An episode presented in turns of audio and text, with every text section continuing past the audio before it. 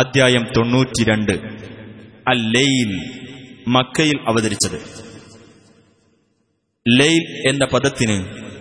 രാത്രി എന്നർത്ഥം ഒന്നാം സൂക്തത്തിൽ രാവിന്റെ പേരിൽ സത്യം ചെയ്തിട്ടുള്ളതാണ് ഈ പേരിന് നിദാനം بسم الله الرحمن الرحيم والليل إذا يغشى രാവിനെ തന്നെയാണ് സത്യം അത് മൂടിക്കൊണ്ടിരിക്കുമ്പോൾ والنهار إذا تجلى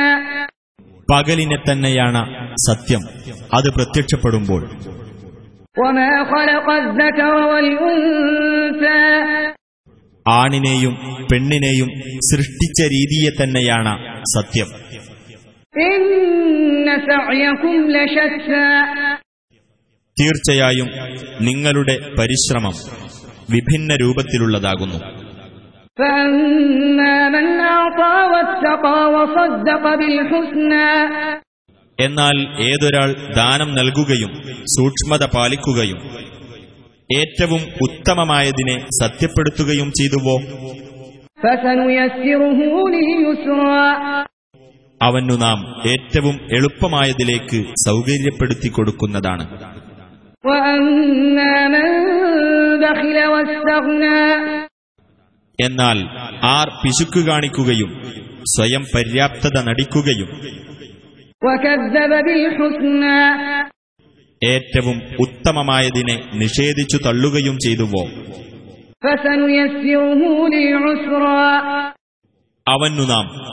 ഏറ്റവും ഞെരുക്കമുള്ളതിലേക്ക് സൗകര്യമൊരുക്കി കൊടുക്കുന്നതാണ് وما يغني عنه ماله إذا تردى അവൻ നാശത്തിൽ പതിക്കുമ്പോൾ അവന്റെ ധനം അവന് പ്രയോജനപ്പെടുന്നതല്ല إن علينا للهدى തീർച്ചയായും മാർഗദർശനം നമ്മുടെ ബാധ്യതയാകുന്നു وإن لنا للآخرة والأولى തീർച്ചയായും നമുക്കുള്ളതാകുന്നു പരലോകവും ഇഹലോകവും فأنذرتكم نارا تلظى അതിനാൽ ആളിക്കത്തിക്കൊണ്ടിരിക്കുന്ന അഗ്നിയെപ്പറ്റി ഞാൻ നിങ്ങൾക്ക് താക്കീത് നൽകിയിരിക്കുന്നു لا يصلاها إلا الأشقى ഏറ്റവും ദുഷ്ടനായ വ്യക്തിയല്ലാതെ അതിൽ പ്രവേശിക്കുകയില്ല الذي كذب وتولى നിഷേധിച്ചു തള്ളുകയും പിന്തിരിഞ്ഞു കളയുകയും ചെയ്ത വ്യക്തി وسيجنبها الأتقى ഏറ്റവും സൂക്ഷ്മതയുള്ള വ്യക്തി അതിൽ നിന്ന് അകറ്റി നിർത്തപ്പെടുന്നതാണ് الذي يؤتي ماله يتزكى പരിശുദ്ധി നേടുവാനായി തന്റെ ധനം നൽകുന്ന വ്യക്തി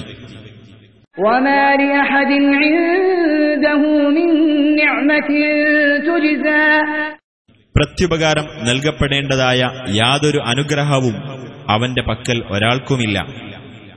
إلا ابتغاء وجه ربه الأعلى തന്റെ അത്യുന്നതനായ രക്ഷിതാവിന്റെ പ്രീതി തേടുക എന്നതല്ലാതെ ولسوف يرضى വഴിയെ അവൻ തൃപ്തിപ്പെടുന്നതാണ്